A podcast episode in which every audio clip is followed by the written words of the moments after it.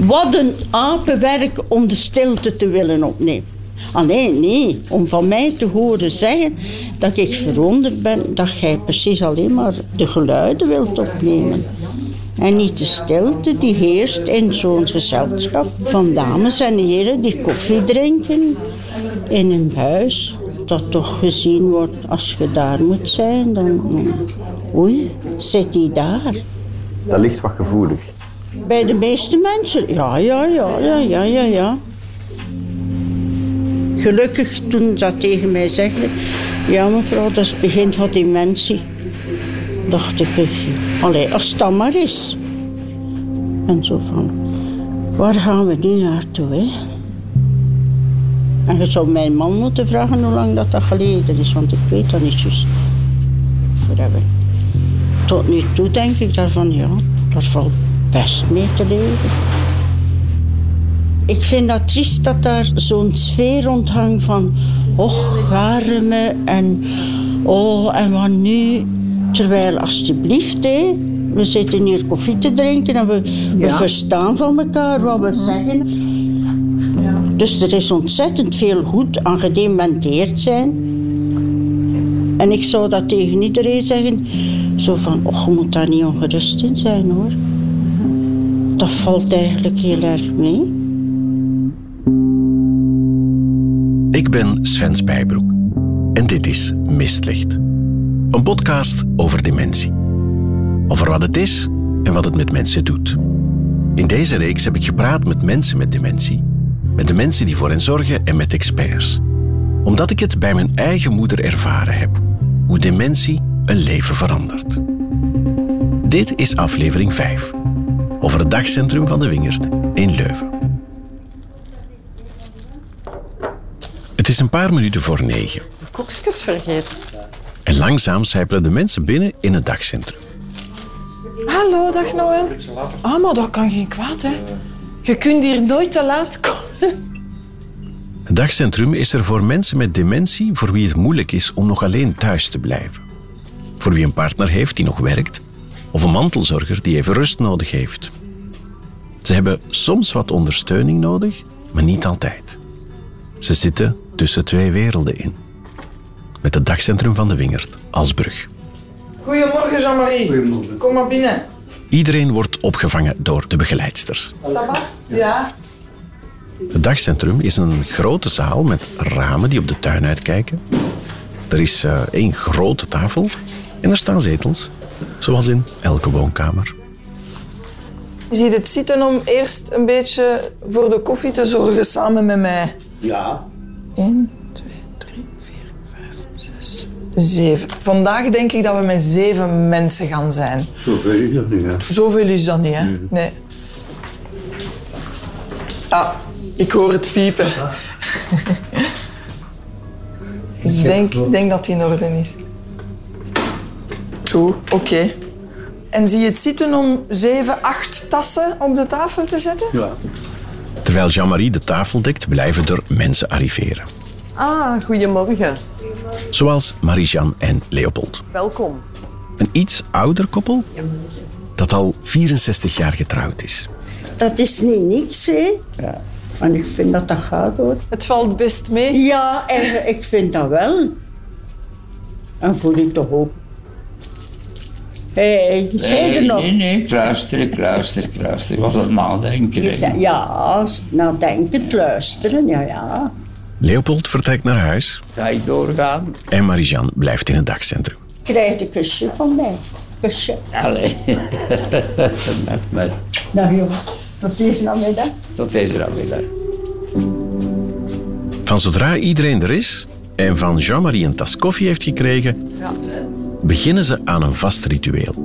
Samen de krant lezen. We gaan de actualiteit eens doornemen. Hij is een beetje kapot. Want ik moest hem uit de brievenbus trekken. Want ik had geen sleutel. En net als ze er willen aan beginnen, komt Rick binnen. Ah, hier. Ja. Ik heb je niet gemist, maar ik heb wel een stoel voor u. eh. Dat is wel... En als je zin hebt in een koffie, Zelfs dat. Rick is 72. Hij is een vlotte, grappige babbelaar en hij doet me wat denken aan die acteur. Arnold Wilms, de acteur, die. Ik doe mijn eigen daar eigenlijk niet aan denken. Maar goed, als jij het zegt, dan neem ik dat aan voor waarheid. Hè. Die heeft gespeeld in Wittekerken en in. Ja.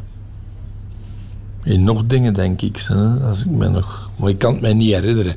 Het is een beetje een probleem dat ik heb. Dat is dat ik geweldig gemakkelijk vergeet.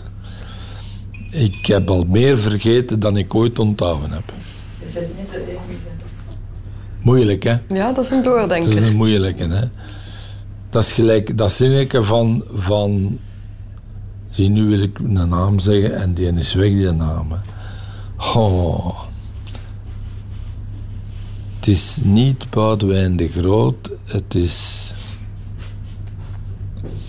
Swat, je had zo'n zinnetje van de hele wereld is daar waar wij tussen staan. Daar moet eens dieper over nadenken. Dat is een zinnetje dat helemaal niet klopt. Maar op het eerste zicht is dat precies iets catchy. En op het tweede zicht deugt het niet. De hele wereld is daar waar wij tussen staan. De hele wereld is daar waar wij tussen staan.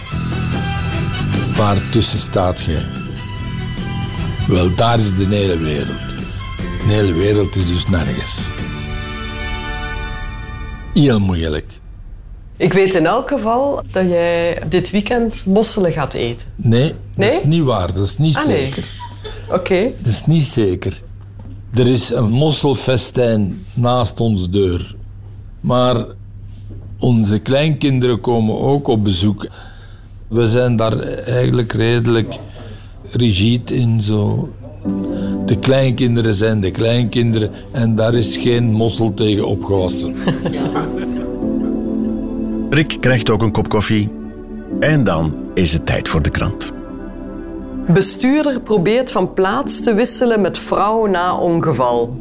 Dus hier in Leuven was er een man tegen twee paaltjes gereden op het De Bekker Remieplein Kesselo. In Kesselo, ja.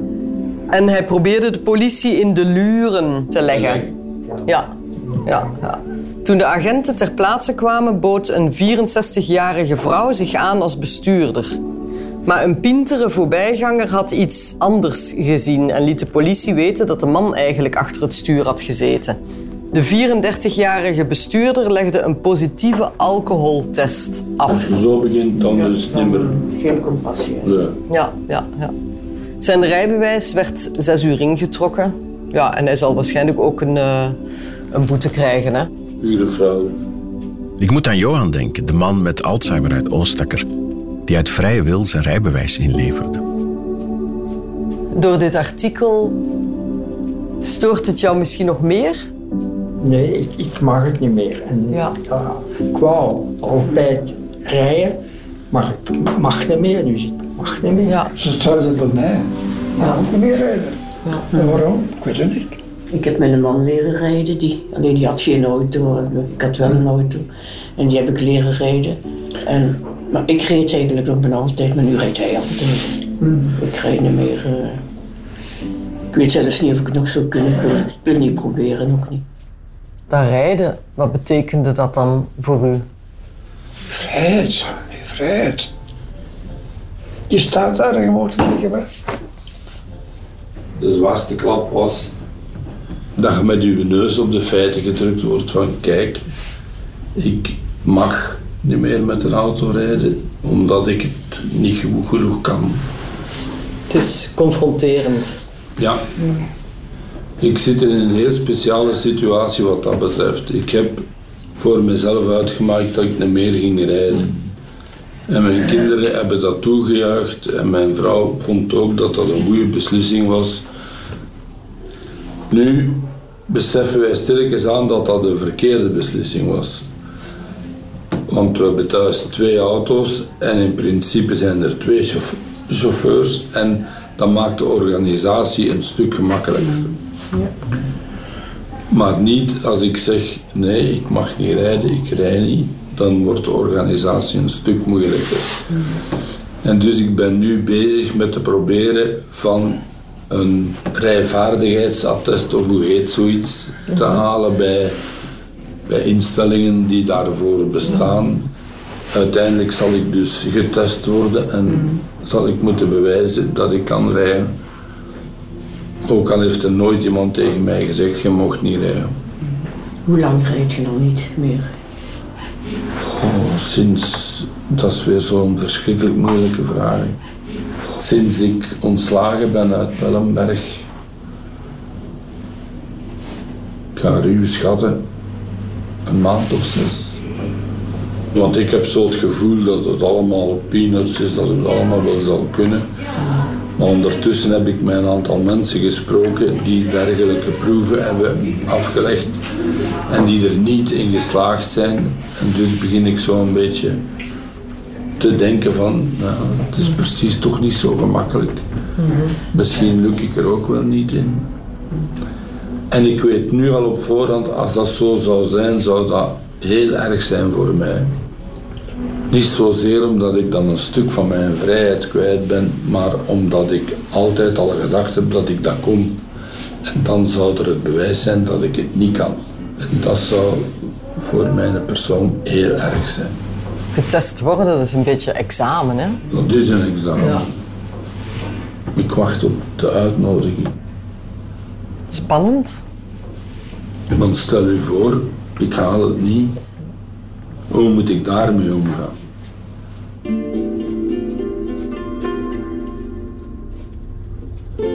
In mijn jonge tijd was mijn geheugen mijn sterkste wapen. Ik kon op korte tijd dingen memoriseren die ingewikkeld en veel in volume waren, dat mijn klasgenoten zo'n ogen van Ulrich, hoe doe je dat? Ik zal niet vergeten, wij hadden elektriciteit. Nu, er is niks zo triestig voor een leraar als elektrische vakken moeten onderwijzen aan ingenieurs, aan bouwkundige ingenieurs. Dat is, die kennen daar niks van en die willen daar eigenlijk ook niks van kennen. Een van die gasten deed ons voor dat we moesten dus proeven doen in elektrische labo's.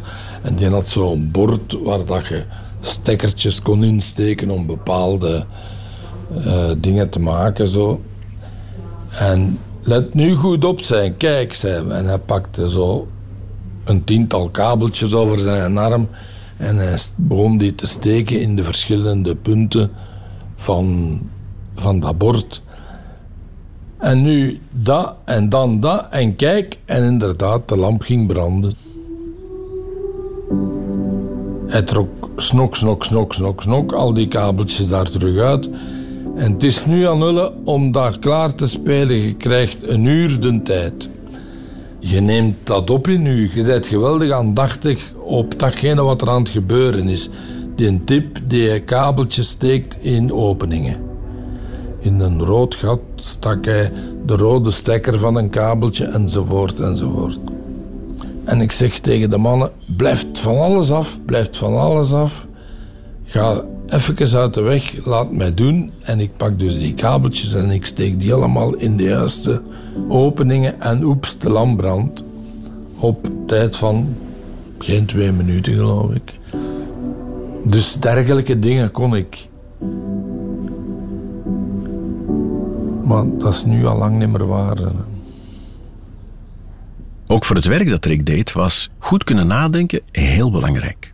Ik eh, was of ben nog steeds een ingenieur. Als ingenieur, dat is een gedeelte van het beroep, het berekenen. Stabiliteitsberekeningen, beton- en staalbegrotingen, echt romantische werkjes en opdrachten. Hoe lang heb jij als ingenieur gewerkt? Waarom stel je moeilijke vragen? Alle vragen die te maken hebben met hoe lang en vanaf wanneer en weet ik, dat zijn voor mij verschrikkelijk moeilijke vragen.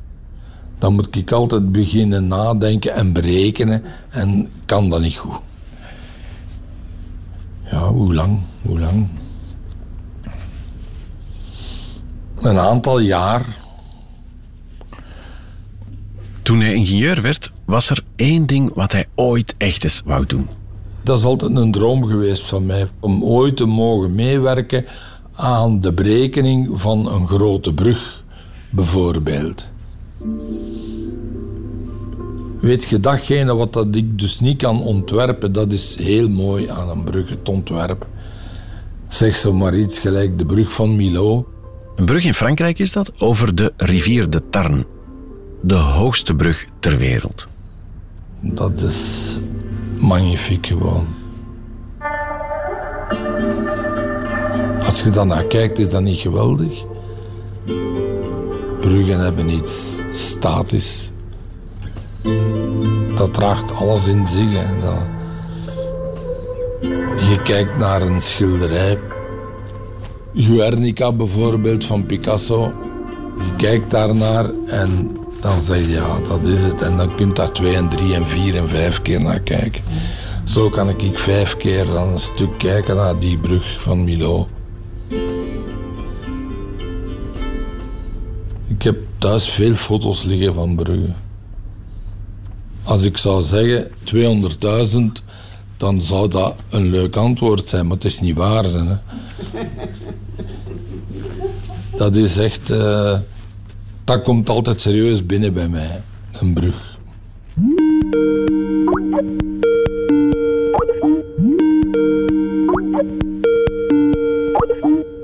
Ik hoor jullie nog door de speakers van mijn computer, dus dat moet ik nog even inpassen, denk ik.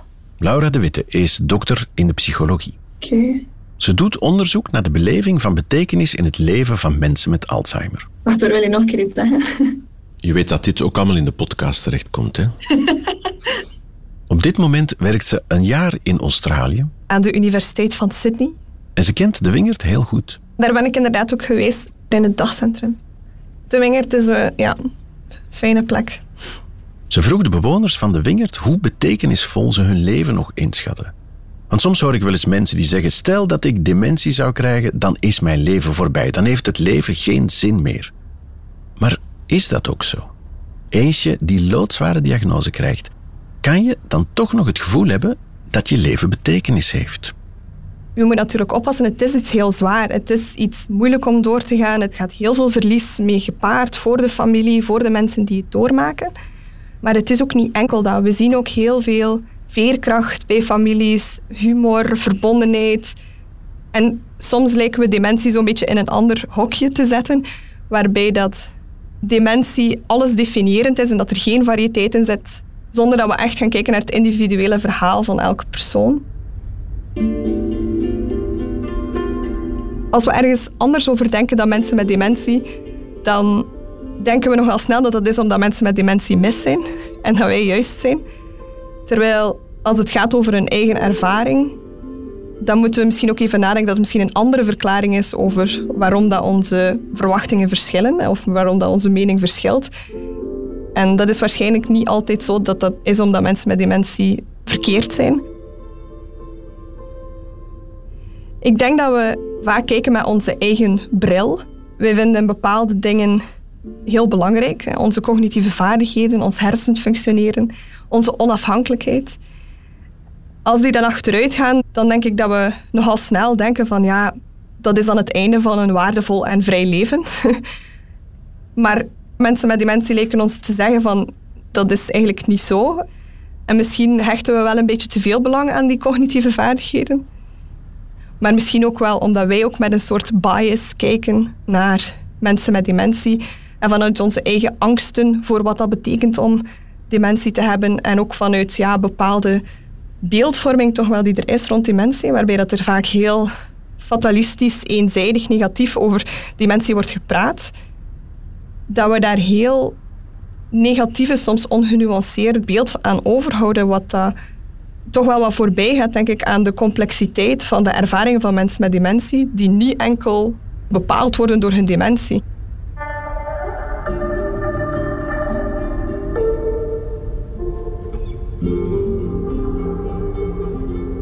Het zit bij elke mens eigenlijk ingebakken om te proberen betekenis te maken van situaties die niet altijd logisch zijn of die oneerlijk lijken of die even ons uit ons loodje slaan. En bij mensen met dementie zien we dat misschien soms wat uitvergroot. het toont eigenlijk vaak aan hoe goed dat zij kunnen omgaan met situaties die even niet zoveel sens maken. En dan toch is dat precies sterker dan de dementie om toch van alles een soort betekenisvol geheel te maken. Maar onze fout is vaak dat we denken dat mensen met dementie dat kwalitatief anders doen dan ons. Omdat we dat daar iets meer uitvergroot zien, denken we dat wij dat niet doen. Dat onze betekenis gegrond is in de waarheid, gegrond in feiten. En dat bij mensen met dementie, als ze zeggen dat ze betekenis ervaren, dat dat eigenlijk niet waar is. Dat zij in een illusie leven. Maar eigenlijk leven we allemaal in een soort illusie. Want het leven is niet logisch en het, het leven is niet eerlijk. Dus het feit dat heel veel mensen betekenis ervaren doorheen de hoogtes en laagtes en de uitdagingen van het leven, is omdat we allemaal een beetje die kracht bezitten om soms onszelf wat illusies wijs te maken of om soms bepaalde inconsistenties daar toch betekenis in te vinden en de puzzelstukjes toch op een bepaalde manier in elkaar te leggen dat het voor onszelf oké is. En mensen met dementie doen dat niet anders dan ons. Ze doen dat misschien op een manier die voor ons iets opvallender is of zo, omdat wij zien waar dat bepaalde illusies misschien zijn. Maar we hebben ze zeker ook wel. We zien ze gewoon bij onszelf niet. Mensen hebben de drang om hun verhaal te doen kloppen. Met dementie of zonder.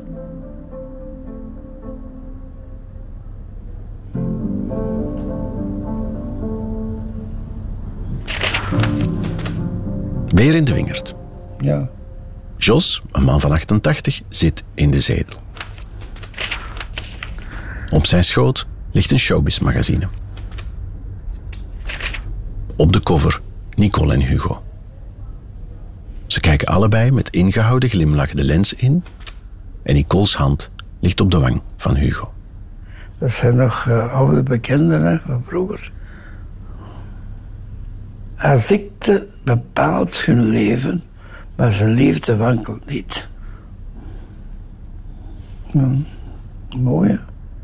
Enkele maanden voor Nicole overleed, deelde ze met de wereld dat ze dementie had. Is er al iets over opgevangen? Nee. Over Nicole en Hugo? Nee, ik heb ze de laatste tijd absoluut niet meer gevolgd. Vroeger een beetje wel, maar nu niet. Goedemorgen, goedemorgen. En dan was het. eh, En dan? Goeiedag. Goeiedag. Eh, Blij dat ik u ga Ontmoeten. mag. Ja. Oei. Oei. Maar Nicole van Nicole en Hugo heeft dementie. Die heeft die mensen. Ja. ja. Ja.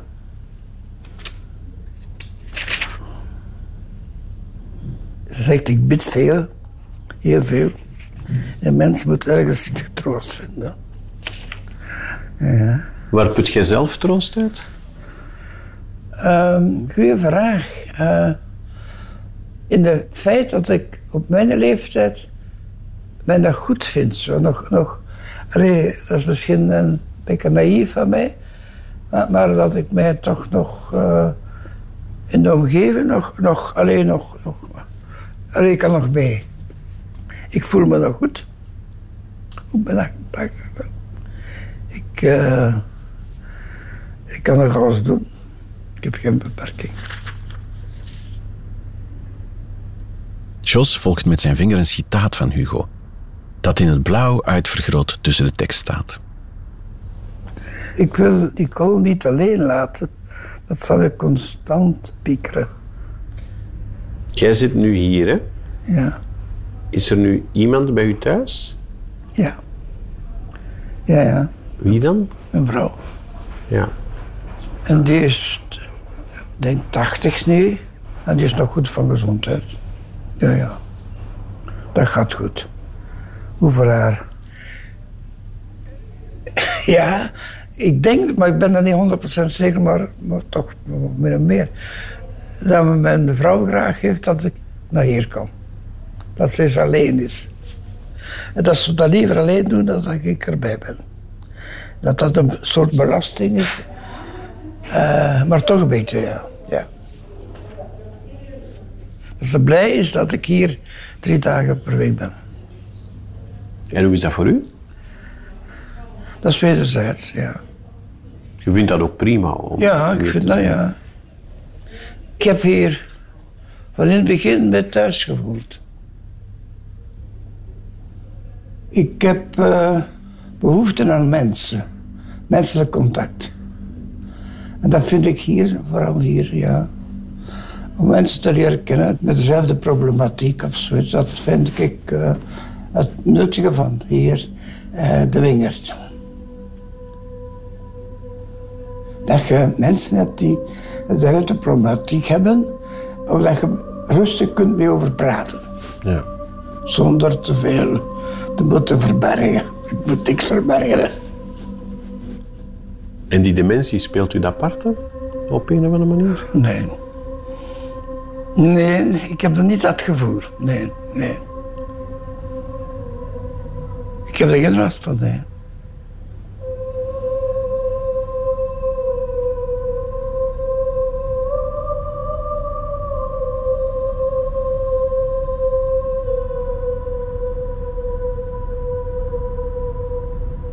Ik zie dat het bijna vijf voor eh, elf is. Het is om elf uur een pianoconcert. Quatre mains. En de mensen die geen zin hebben in muziek, die kunnen koken. Waar moet dan nu die zelder hier? Is dat prei? Ah nee, dat is Dat is zelder. Dikke prei. Ah, jij prei, maar mag dat daarbij? Dat weet ik niet. Waar moet, waar moet eh, de zelder in? En de prei ook? Dat is tegen een groot tempo, zeg. Mijn echtgenoot is de kok thuis, altijd geweest.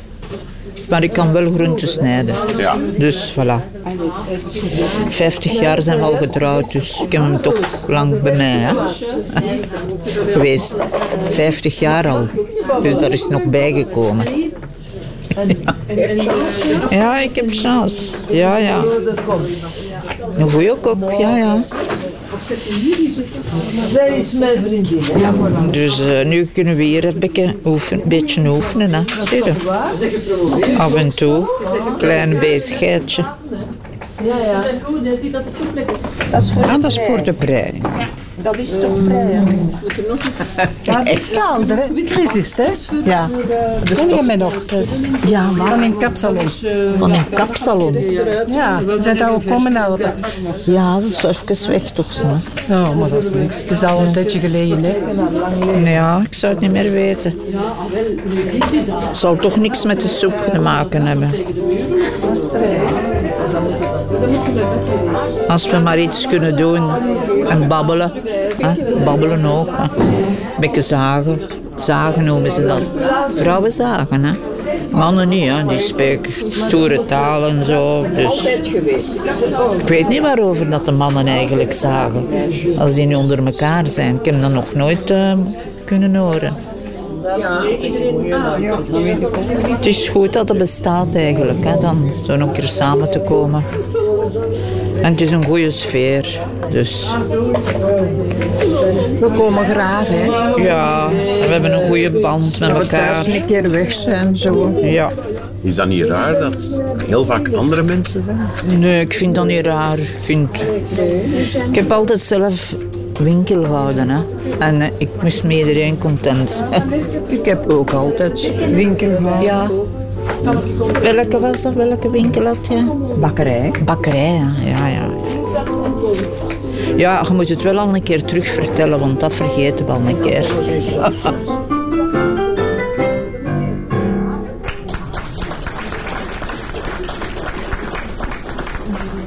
Ondertussen op het aperitiefconcert. Walske, ja. Walske. Wals. De wals. Dat is bedankt. Bedankt. Iedereen wiegt zachtjes mee op de tonen van de quatre-mains. Sommige mensen staan recht en beginnen te walsen. Ben je walsen? Ja. ook. Van voordoen. Als ik omkijk, zie ik Marie-Jeanne, die voor het eerst in een dagcentrum is. Ze staat recht en ze wandelt naar buiten. Ze passeert twee keer na elkaar voorbij hetzelfde raam. Het lijkt alsof ze naar iets op zoek is. En ze probeert elke deur die we tegenkomen te openen. Ik was dus wat aan het over of ik naar huis ging of wel ook hier nog even bleef rondhangen. Waarom wilde je graag naar huis? Om naar huis te gaan, was dat niet voor een vraag? Sorry. Ik weet ook niet waarom ik ambetantig ben. En, en dat is iets wat bij mij... eh, Ja, ik kan dat niet goed verdragen zo van...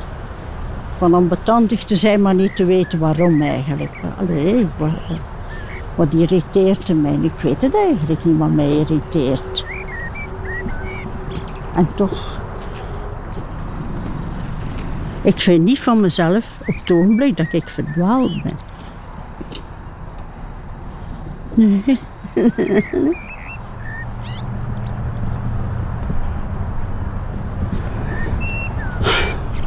En zijn we daar gewoon op straat.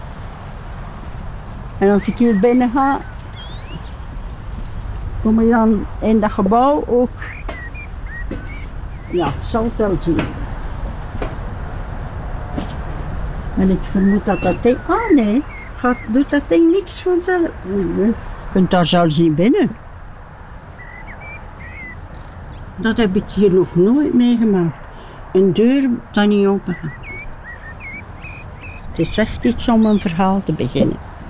Een deur die niet open gaat.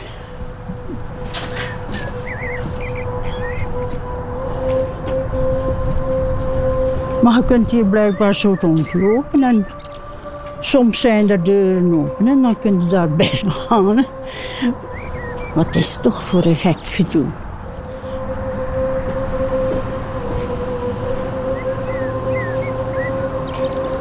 Langs waar gaan we? Daar.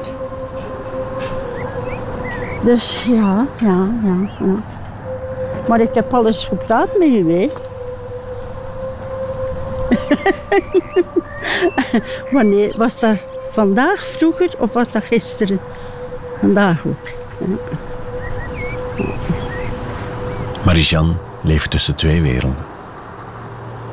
Soms is alles helder en rechtlijnig, en soms iets meer verwarrend. En daar zit zij tussenin. Ik ben hier. Ik slaap hier niet, ik woon hier niet. Maar ik zou hier kunnen slapen en wonen. Ik ben ja, toch wel wat in de war. Niet zo in de war dat ik de bus niet kan pakken of dat ik niet zou weten waar ik moet uitstappen en waar ik moet veranderen van bus. Niet zo.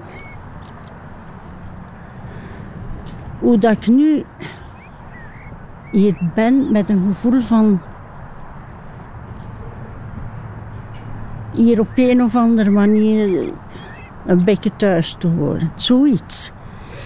En, en ja. En toch,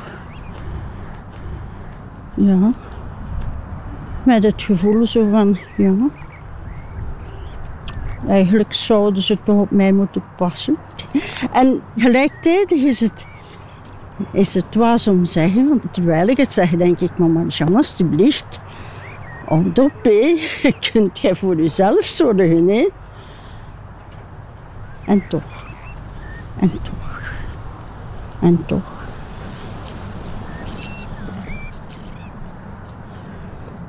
Ja, man. Voilà, hier lopen wij.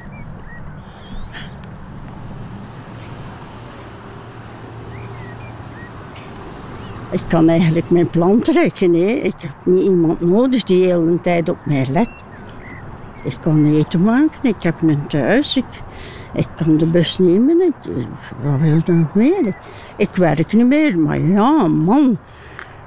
Ik ben ergens tussen de 80 en de 90. Wie werkt er dan nog? Maar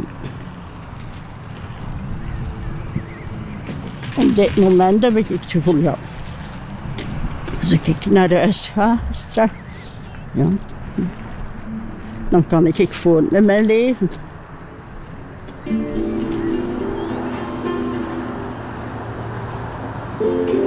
Als het half vijf is, wordt iedereen weer opgehaald door zijn familie. En hoe is het geweest vandaag? De volgende dag komen sommigen terug en anderen blijven thuis.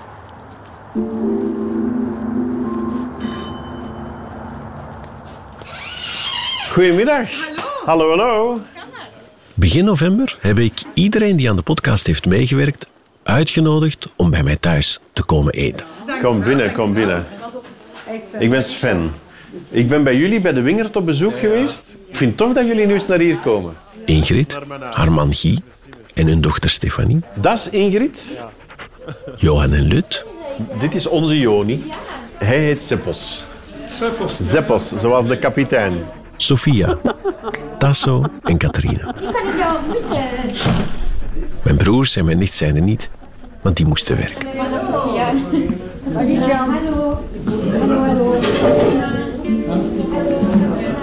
En als ik in mijn keuken sta Ziet dat zich. en ik kijk naar die lange tafel, dan doet mij dat echt iets. Zalig, hè? Om al die mensen die ik de voorbije maanden heb leren kennen, hier allemaal samen bij elkaar te zien. We zijn heel, heel blij dat jullie hier zijn vandaag.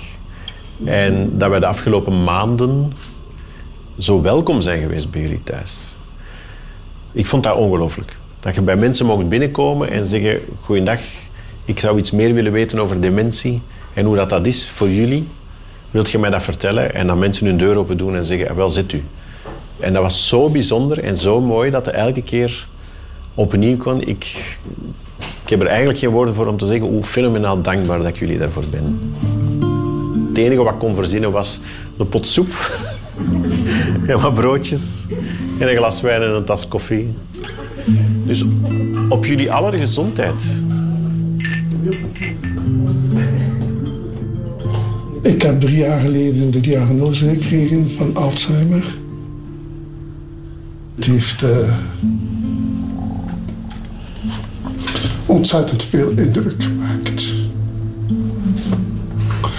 En ik ga maar doen alsof ik gewoon ben, zoals anders.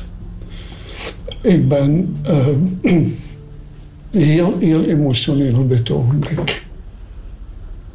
En dat heeft te maken met het feit dat ik zo gelukkig ben dat ik hier bij jullie mag zijn. En er is een enorm grote verbondenheid tussen ons. Door wat dat we ook al meegemaakt hebben met de podcasts. Hoe dat we elkaar ook leren kennen hebben. Dat vind ik een van de mooiste dingen van de podcast. We zitten de hele middag aan tafel, we eten broodjes, we drinken wijn of koffie. Dat is nog platwater voor wie wil. We babbelen en we lachen en we luisteren naar elkaar. Het heeft eigenlijk iets van een familiefeest. Alles moet wel op, want anders mogen jullie niet naar huis. In mijn hoofd zit mijn mama mee aan tafel en leidt mijn tante Gina de samenzang. En leest ze af en toe iets voor uit haar moppenboek.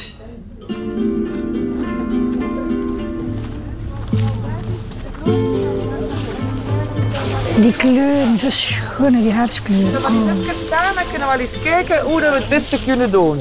We maken een groepsportret. Dus je moet een beetje hoger komen, denk ik. Onder de boom waar ik zoveel maanden geleden met mijn broer zat om het over mijn moeder te hebben. Staat de boom erop? De boom staat erop, ja. Naar mij kijken. Nu ben ik hier, naar hier kijken. Ja. Alrighty. Ik moet denken aan de woorden van Huub Buijsen, een van de experten die ik ben gaan opzoeken. Zit. Die zei dat mensen met dementie ons kunnen helpen om meer in het moment te zijn. Niet denken aan wat gepasseerd is of je zorgen maken over de toekomst, maar in het nu te zijn, nu te genieten. Oh, oh, wacht, hè. blijven staan, hè. blijven staan. Hè. Dus dat probeer ik. In dat ene moment te blijven. Als een foto die een fractie van een seconde vastlegt in de tijd.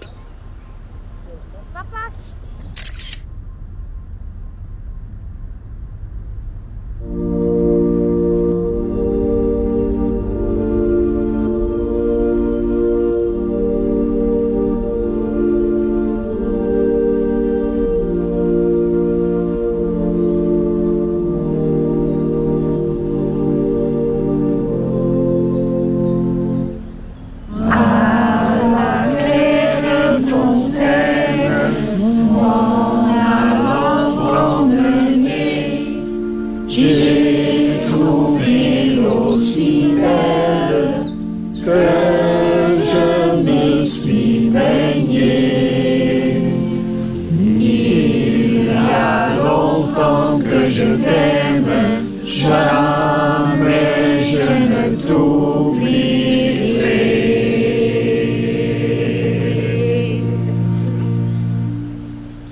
Mistlicht is een podcast van Radio 1 die ik samen maak met Wederik de Bakker.